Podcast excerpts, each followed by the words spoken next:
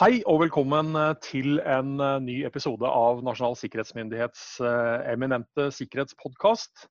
Mitt navn er Roar Thon, og i dag skal vi gjøre noe som blir et substitutt. Fordi det er jo sånn sett at vi skulle gjennomført vår årlige sikkerhetskonferanse, og den ble av veldig naturlige grunner i disse dager kansellert. Og som en erstatning for det, så sender vi da altså en rekke podkaster med både våre egne og andre foredragsholdere som skulle ha stått på scenen. Eh, og da for å snakke om de temaene de skulle ha stått på scenen med. Og med meg så har jeg eh, vår aller første eksterne gjest i vår podkast noensinne. Martin Strand, forsker i FFI. Hei, Martin. Hei, Roar. Hei sann. Jo, bare hyggelig. Eh, du sitter på hjemmekontor som, som mange andre, eller? Det gjør jeg. Og hvis ja. du hører noen kraftig dunk i bakgrunnen, så er det bare to barn som leker ute på kjøkkenet. Ikke sant. Det er eh, sånne utfordringer veldig mange av oss har. Um, ja, hvor skal vi starte? Hva, hva, foretrekker du egentlig, Martin? Å stå på scenen eller å spille i en podkast sånn som vi gjør nå? Jeg er jo veldig glad i folk, og jeg hadde jo gleda meg veldig til programmet som skulle være på sikkerhetskonferansen. Ja. Men uh, jeg er nå også glad i å, å prate, så vi skal vel få til uh, det her òg.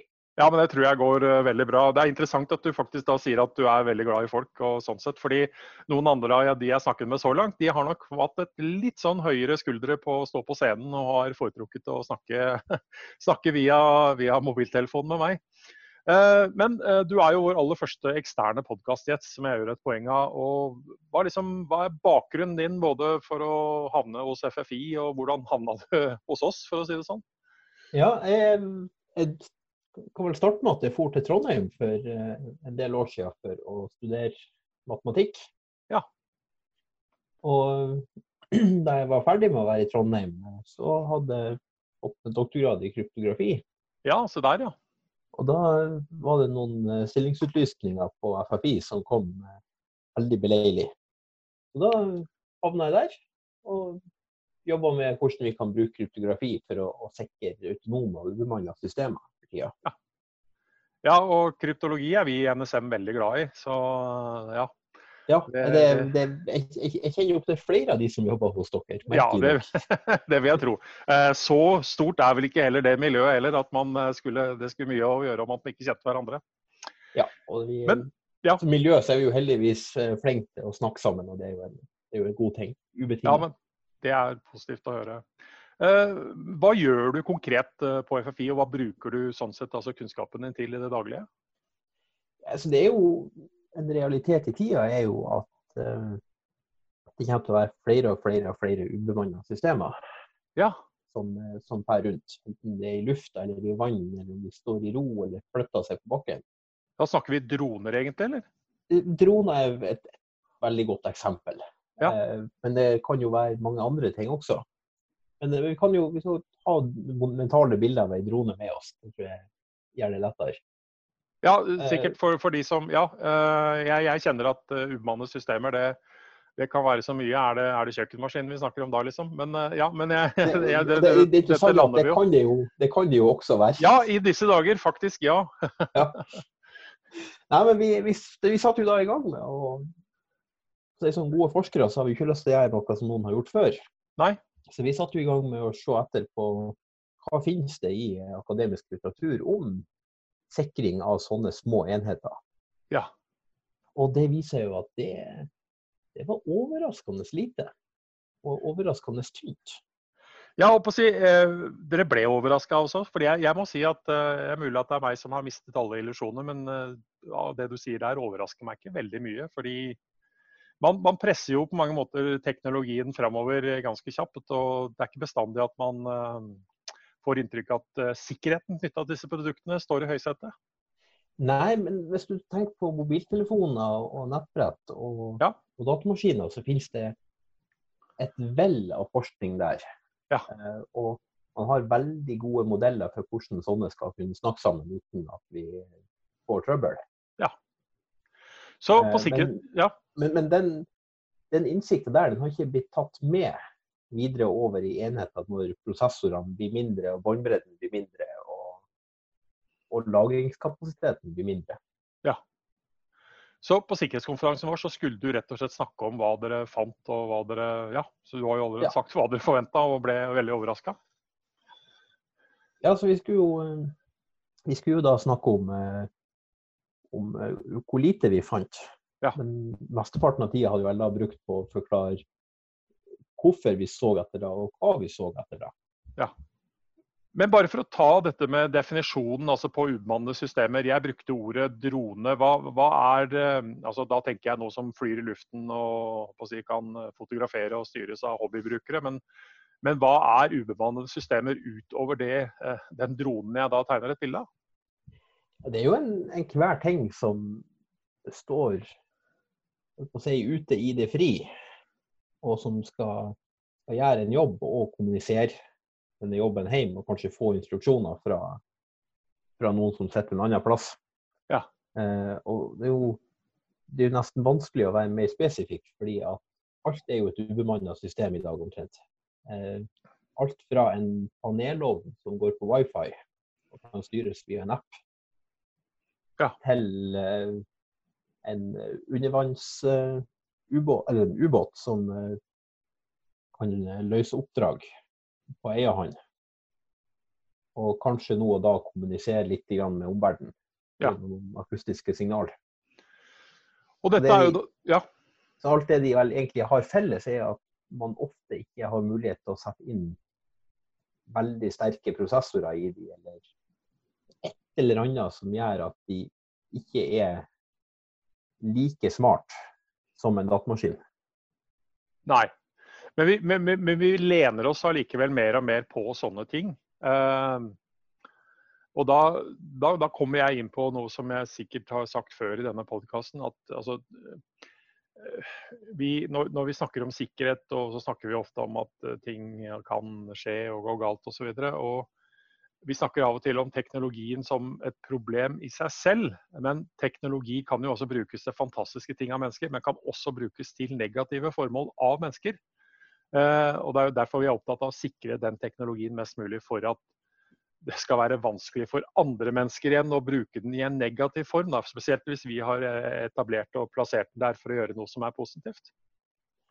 Ja, og det, det kan jo være i ytterste fall også at man har plassert teknologien der for å gjøre noe negativt. Ja, ja, helt klart. Eh, Det er litt øyet øye som ser. Det er absolutt øyet som ser. Eh, Men eh, da, som et minstemål så må man jo være sikker på at det teknologien gjør, det er det teknologiens eier som har Ja. instruert den i. Ja. At eh, teknologien står til ansvar for kun de som skal kunne bruke den, og at det er disse som da må stå til ansvar videre for hva teknologien gjør. Ja. Og det er jo nødvendigvis da noe av det vi må se på. Det handler om hvordan man kan autentisere meldingstrafikken og oppførselen til systemet. Mm. Det, det er et veldig viktig aspekt av det vi ser på. Ja. Men hva, hva, hva altså vi, vi, utover hobbybruk, da, hva, hva, hva bruker vi droner eh, Du var jo allerede inne på noe av det til umanna systemer eh, til. Altså, har du noen eksempler sånn konkret? Ja, jeg kan jo komme med et, eksempel, og det er jo at det av og til blir kalt bort fra jobb for å gå og kle på med uniformen til Sivilforsvaret. Ja. Og Da kan jeg bli satt i f.eks. skogbrannslukking. Mm. Da kan det hende at eh, brannvesenet kommer med i en ganske stor drone med infrarødt kamera på. Ja. Og da har jeg vært med på å stå i skogen og få beskjed om at ja, det er, det er varmt, litt brann for det. Ja, ja her? Eh, nei, ikke der. Litt Ja, der du har foten din nå. ja, ikke sant? Og så graver man litt i torva, og så finner man at ja, der var det faktisk litt klør. Ja. De kan vi få slokka. Ja. Det er jo, da er jo den drona fantastisk nyttig. Helt klart. Eh, og så kan vi jo se mot, eh, mot Kystvakta, Ja. som jo nå har begynt å ta i bruk noen droner for å eh, utføre fiskerioppsyn. Så Da trenger de ikke å fysisk bevege seg til hvert eneste skip. Men de kan sende opp droner, så kan de ta en runde rundt og ta en titt på det som foregår. Ja. Jeg ser for meg at det må jo være tidsbesparende. Ja, ikke bare tid, men ressurser, det vil jeg også tro. Sånn, sånn i store og hele. Så ja. ja. Men eh, hva slags sårbarheter eksisterer i denne teknologien? Altså, altså det, er, det, er, sikkert tusen måter dette kan misbrukes på. Ja, og de, det er de, de fleste av disse kommersielle dronene, og, og spesielt de til, til privatbruk, har til felles, er jo at de er ment å være lette å bruke. Lette ja. å komme i gang med. Ja. Hvis ikke, så gidder man jo ikke. Nei, klart. Men det er jo det er jo mange av de her som skryter av at de har sterk kryptering av forbindelsen sin. Men en kollega med har sett litt nærmere på en del av de her, og det viser jo at det er jo mange av de som du enkelt kan overta. Nettopp fordi de er ment å være så lette å komme i gang med.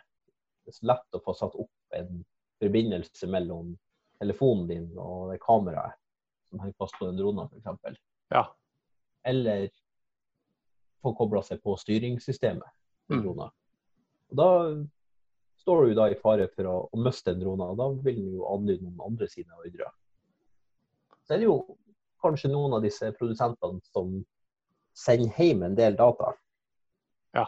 Sånn at uh, de mottar data på hvordan droner blir brukt, og uten at du som bruker kan styre det. Da må man jo begynne å stille spørsmål om hvem det er som egentlig styrer den drona. Og hvem som har kontroll på den. Ja. Altså, det, det jeg tenker når du beskriver dette her nå, fordi at uh, det- er jo litt sånn, sånn som det var i starten med altså, eh, PC-datamaskiner. Altså fantastiske muligheter og en litt sånn manglende tankegang om at hvem skulle nå være villig til å tøyse eller tulle eller misbruke dette. da? Altså, ikke sant? Altså, hvem ville nå være interessert i hva jeg skrev på min PC? Eh, og så sakte og sikkert så gikk det liksom opp for en at det var det faktisk ganske mange som eh, så muligheter i. Og det, er jo fortsatt litt sånn at hvis jeg kjøper meg en drone på hobbybasis, eh, så, så ha, har man kanskje litt sånn derre naiv tanke om at hvem skulle nå være interessert i å tukle med, tukle med den, da. Mhm. Men det er jo hobbynivå. Og så blir jo dette litt mer håper å si, risikofylt og kanskje litt annerledes når vi begynner å ta dette bruket bruk i en betydelig mer sånn profesjonell forstand. Du nevner kystvakt bl.a. Og, ja. Ja, det er klart det er jo Det her det går vel rett inn på det, det som går på verdivurdering. Ja. Altså For, for brannvesenet så er det kanskje ikke superfarlig om noen andre har tilgang på det som foregår mellom den drona og operatøren, eller eh, Det er kanskje ikke så farlig om autentiseringsmekanismene er svake, sånn at noen andre kan kapre den. Ja. Da kan, man, altså, kan ikke- den som, da kan man gå til den som tok den med, med politiet og ta en alvorsprat. Ja. Eh, og med kystvakta, ja, det kan hende at en tråler har litt urent mel i posen og har lyst til å, å, å tukle litt med den. Men da er nok det kystvaktskipet det største i området. Ja. Og kan da stikke en tur på besøk. og jeg kan, jeg kan ikke tenke meg noen bedre måte å be om oppmerksomhet på. Nei, ikke sant? Men, men samtidig er jeg ikke sikker på om vi kan forvente noe som helst av disse dronene dersom eh, vi kommer inn i en konflikt. Nei. Da vil jeg forvente at motstanderen er i stand til å, å sette de ut av spill nærmest umiddelbart. Og da, da har man jo et tredje eksempel, og det er jo en bitte lita drone som heter Black Hornet. Ja. Og som eh, ble, ble eh, designa av en bedrift eh, i Asker. Mm. Og da må man jo ha mye sterkere krav, for den er jo meint brukt i en situasjon der du har en sterk og motivert motstander. Altså, For de som ikke vet hva det er, kan jo eventuelt eh, si, google det og søke det opp. Men altså, dette er jo da ting som blir brukt til alt fra spesialstyrker til, eh, til andre til eh, ja, Ja. skarpe oppdrag, for å si det på den måten. Det er helt riktig. Og Da begynner jo innsatsen å bli litt annerledes her, i forhold til at eh, man nettopp er ute etter å kunne stole på ja, eh, teknologien. Både at han fungerer, men også at han ikke da gir fra seg altfor mye informasjon som andre kan utnytte tilbake igjen. Ja, og der må vi forvente at eh, det er noen som vil gjøre alt de kan for å få tilgang på den informasjonen. Og da er det ikke lenger veldig lett å, å sikre den. da er vi jo inne på at vi altså, Det er jo interessant. Du, du, du sier jo bl.a. at, uh, at uh, det er mange som skryter av sterk kryptering. Og så er det jo, er det jo alltid en diskus, diskusjon i, hos uh, kryptologer og andre på hva, hva er sterk kryptering. Da? Altså Snakker vi da kommersiell kryptering? Snakker vi sant, militær kryptering? altså For vi skiller jo på disse tingene her. så, men, men er det, er det andre eksempler hvor man eh, kan vise altså utover, nå snakker, nå snakker, vi jo flyvende droner i veldig stor grad, men er det andre ting hvor man har bl.a. kunnet vise til at eh, hvor enkelt det er å utnytte dette her til å, til å ta seg videre eller finne, finne, informasjon og annet? Ja, men jeg har jo først lyst til å bare, bare si litt om dette med sivil versus militær kryptering. Ja, ja, fordi at vi har veldig, veldig god eh, krypto tilgjengelig mm. for det sivile. Og som, så man, man, trenger aldri være redd hvis man bruker den sterke krypteringen vi har tilgjengelig sivilt. Det vanskelige det er å bli enige om den, den nøkkelen man skal bruke. Ja. Og det er jo akkurat i, i den prosessen at eh, vanskelighetene ligger. Ja. Men så til det du spør om, om vi har, vi har andre eksempler. og det er jo, er jo et, et, veldig enkelt lite eksempel. og Det er jo ei lyspære. Ja, ei lyspære kan man jo plutselig også betrakte som, en, som et ubemanna system i den konteksten her. Du har kanskje en, en fjernkontroll til henne, og du har en, en, sentral som binder sammen mange flere sånne smartpærer. Ja, og, det, dette ble interessant, kjenner jeg. For jeg sitter her med et sånn halvveis smart hjem med, med lyspærer som jeg tror du kommer inn på nå. Ja. ja. Eh, og i, i, 2016 så var jeg på en, en konferanse, og på, på, kveldstid så skulle folk prøve å være litt, uh, litt morsomme. Det var noen to-tre minutter lange presentasjoner der eh, kryptologer prøvde seg som, uh, som komikere. Ja. Uh, med blanda resultat.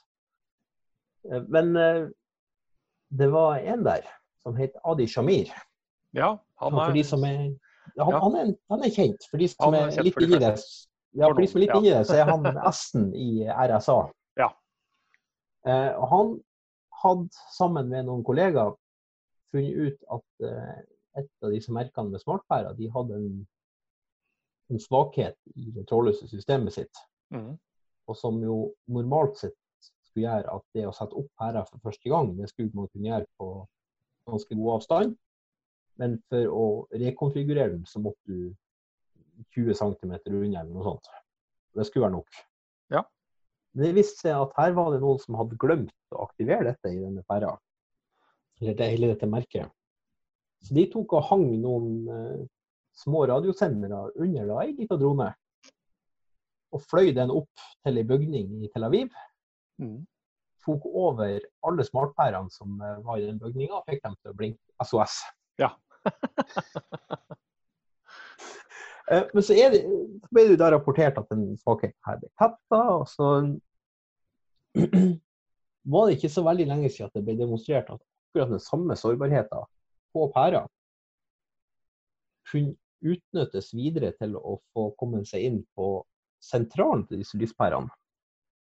Og den er kobla til nettverket ja. og internett. Og hvis det der ikke var satt opp eh, veldig, veldig nøye, så kunne man videre da få tilgang over på nettverket i det huset. Ja. Kun via at den pæra ikke var godt nok sikra. Og jeg vet ikke, Har du tenkt noe særlig på at du må passe på å oppdatere sikkerhetsmekanismene i pærene dine? Ja, det har jeg faktisk. Eh, fordi nå hadde jeg ikke hørt eh, historien eh, som du beskriver fra Shamir, men, men, men, jeg har fått med meg noe rundt det. Så jeg har bl.a. gjort gjort én ting, og det er at jeg på de tingene jeg kaller Internet of Things, altså sånn som f.eks. smarte lyspærer, så, så, har jeg et eget segregert nettverk bl.a. hvor jeg ikke har noe annen trafikk som er viktig. Eh, og så er det da å oppdatere ting som, som du nevner. Men, Altså, jeg, jeg, sitter jo fortsatt igjen med en restrisiko, og så må jeg presisere at dette er i mitt eget hjem, og jeg behandler sånn sett ikke også sensitiv informasjon hjemme, bortsett fra min eget uh, personsensitiv informasjon, da, men, uh, men, ikke mm. noe gradert data og den type ting. Så, så jeg har tenkt tanken. Ja. Det, altså, hadde dette vært forsamling, så tror jeg ville ha bedt, bedt de forsamlingene om å rekke opp hånda, de som visste hvordan man oppretter ja, et ja. segregert nett. Ja, ja. Eh, så, så vi, vi, og det, det, er nok dessverre sannheten at vi må nok anta at en del av de tingene som vi noen ganger snakker om som vi gjør nå, det er ikke for de aller fleste like enkelt å gjøre. Eh, og vi kan godt ha velmenende råd om å gjøre sånn og sånn, men, men igjen å skulle ha kompetansen, eller for den saks skyld interessen, eller rett og slett å bruke tida til det, det er jeg ikke på langt mer overbevist om alle, alle har. Men hva vet vi om eh, kapasiteten til eh, fiendene våre, da? altså de som er ute etter å eventuelt uh, misbruke dette her og bruke det til å komme seg inn til kanskje ytterligere ting? Ja, det vet vi jo veldig lite om, for vi vet jo ikke nødvendigvis hvem som er motstanderen og hva de har et, et mål om. Nei. Men vi kryptologer vi har forenkla det der veldig. Og bare laga en sånn standardmodell av, typisk av, av to motstandere. Mm. Begge to er veldig sterke. Ja. Og som Da er den enkle logikken at hvis vi kan forsvare oss mot de, så kan vi forsvare oss mot alle andre også. Ja. Så vi, vi prøver å bare være litt på den trygge sida. Mm. Den, den, første motstanderen hun kaller vi ofte for Eve. Eavesdropper. Ja. Og hun vet hvordan alle protokoller fungerer og vet hvordan alle algoritmer fungerer. Hun er skikkelig smart og hun er i stand til å utnytte enhver svakhet som måtte finnes. Mm. Og hun er i stand til å høre på absolutt all trafikk ja. som går over nettverket. Sånn at hvis det går informasjon som ikke er kryptert, så hører hun den. Ja. Og så har vi enda en litt sterkere motstander som vi kaller Mallory. Og han sitter ikke bare og hører på nettverket, men han er nettverket. Ja. Så han kan stoppe de pakkene han vil, og han kan endre på de pakkene han vil. Og hvis vi da mangler eh, ordentlig autentisering, så er det han som eh, kontrollerer absolutt alt som foregår. Og så er målet da vårt likevel at eh, systemene våre skal være trygge. Sjøl om den eneste muligheten vi har, er å snakke gjennom motstanderen. Ja. Og hvis vi greier det, så er jo målet at da skal vi ha kommet langt.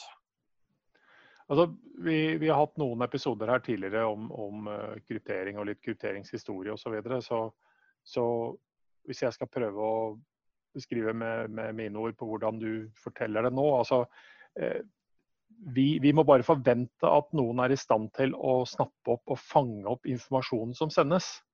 Ja. Men, men, gjennom kryptering så spiller det sånn sett i hvert fall ikke noe stor rolle, for de er ikke i stand til å forstå hva det faktisk altså, er for noe i de meldingene som sendes.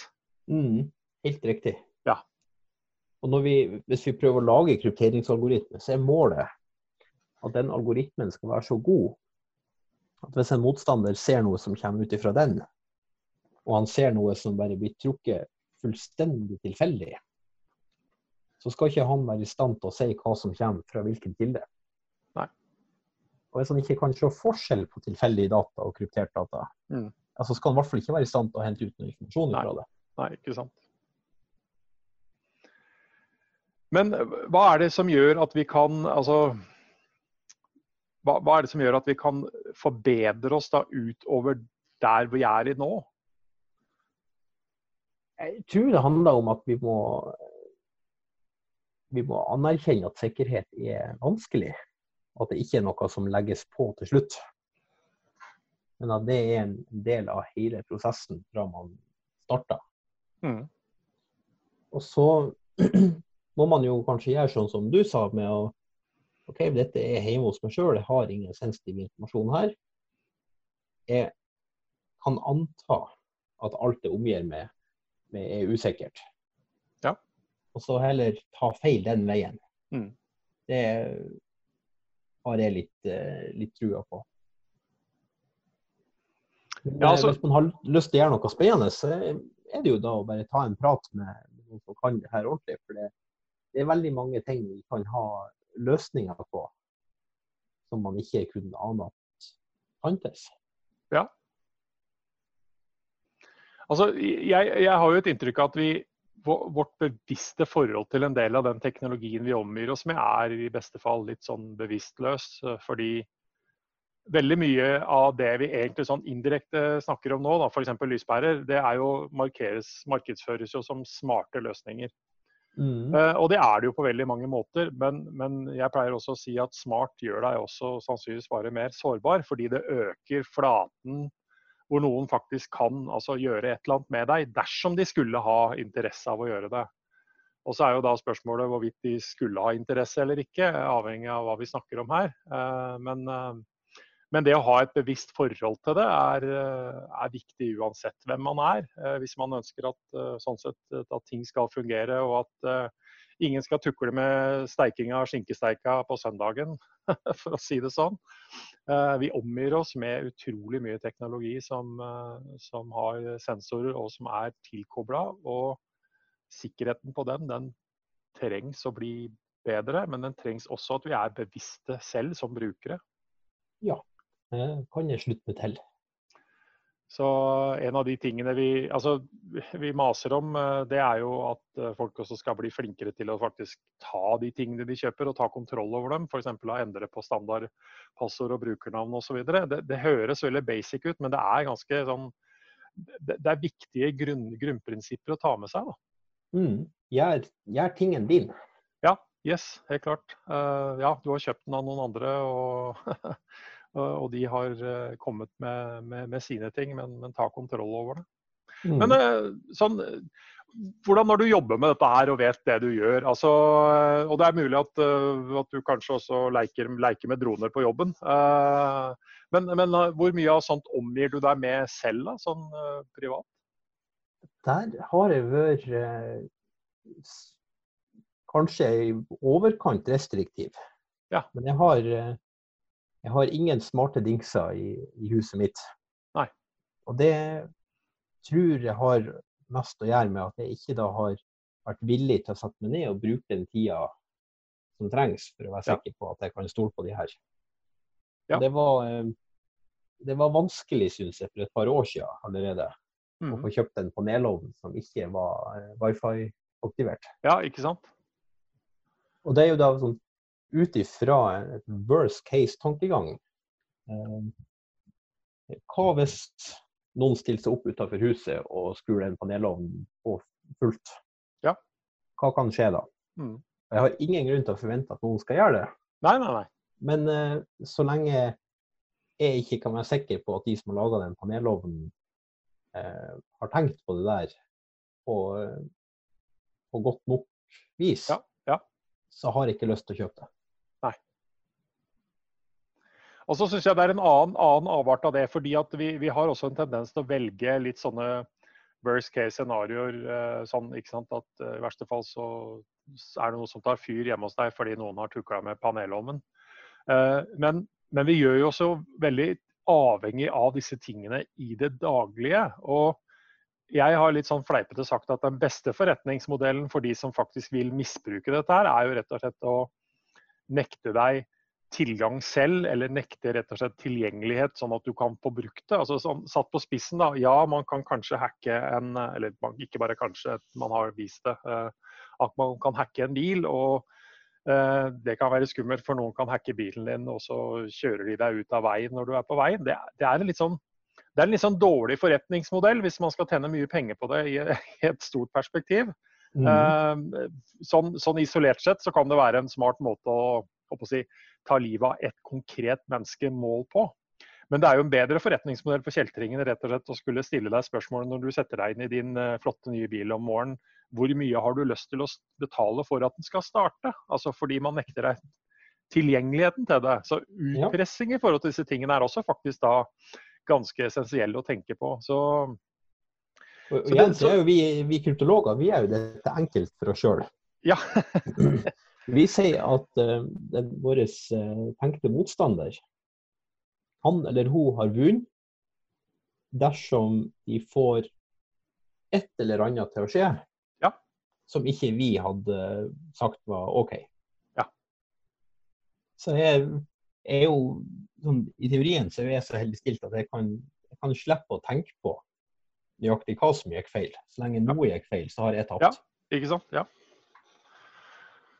Nei, men Det tror jeg er en ganske go- godt, eh, godt utgangspunkt for å, ja, for å jobbe med dette her. Men er det noen andre ting du kunne tenke deg å nevne før vi, før vi avrunder eh, vår lille si, presentasjon, podkast? Jeg gleder meg til barnehagen åpner igjen. det tror jeg det er veldig mange andre som, eh, som også ser fram til. og da, da, det, er jo en egentlig passende greie med å snakke om tilgjengelighet. Da, hva som skjer når vi da plutselig blir nekta tilgjengelighet. Eh, så dette her er eh, komplekse greier om dagen. Men jeg ønsker deg lykke til videre i en særdeles viktig jobb. Vi trenger mer og bedre sikkerhet på veldig mye av det vi omgir oss med. Og så ønsker jeg deg en eh, trygg og sikrere dag eh, hjemmefra også. Takk skal du ha. Takk for praten. Bare hyggelig.